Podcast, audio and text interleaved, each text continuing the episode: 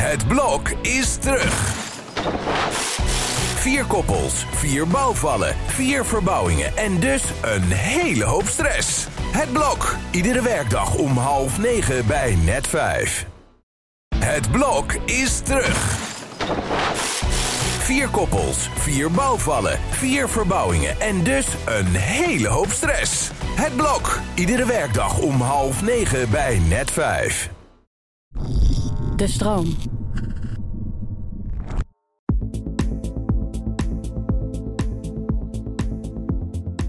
Dit is de podcast Psycholoog. De podcast die je helpt op die momenten dat het leven je even niet toelacht. In elke aflevering bespreken we een belangrijk thema en geven we tips die je meteen kan toepassen in je dagelijks leven.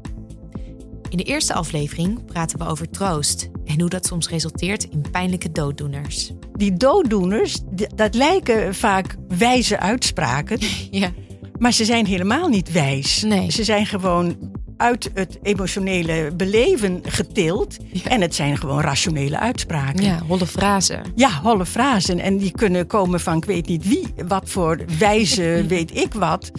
Eh, hè? Ja. Maar die, op dat moment werken ze niet. En we bespreken hoe mensen soms onbedoeld je probleem kunnen overnemen.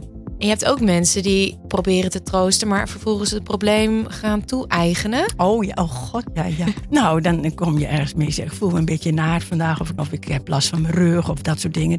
Dan zeggen mensen, ja, ik heb ook zo'n last van mijn rug. En dan eh, binnen de kortste keren praat je over de ander. In aflevering 2 praten we over hoe je met aanpassingen in je leefstijl somberheid te lijf kunt gaan.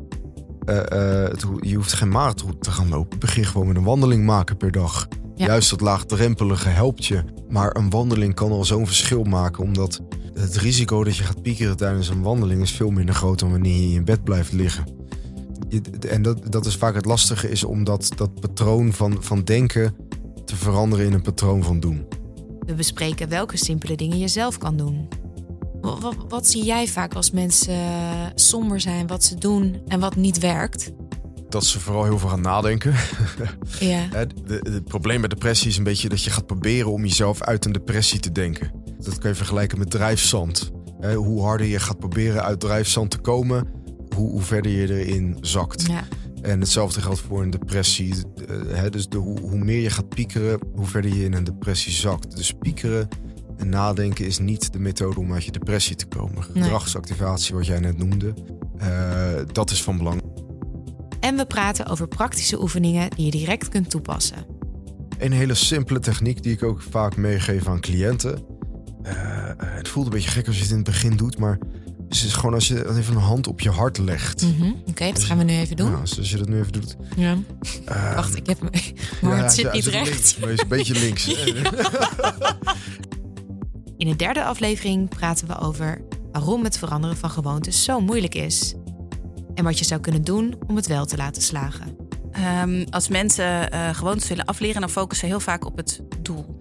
Eh, ik wil minder koffie drinken. Ja. Ik wil minder snoepen.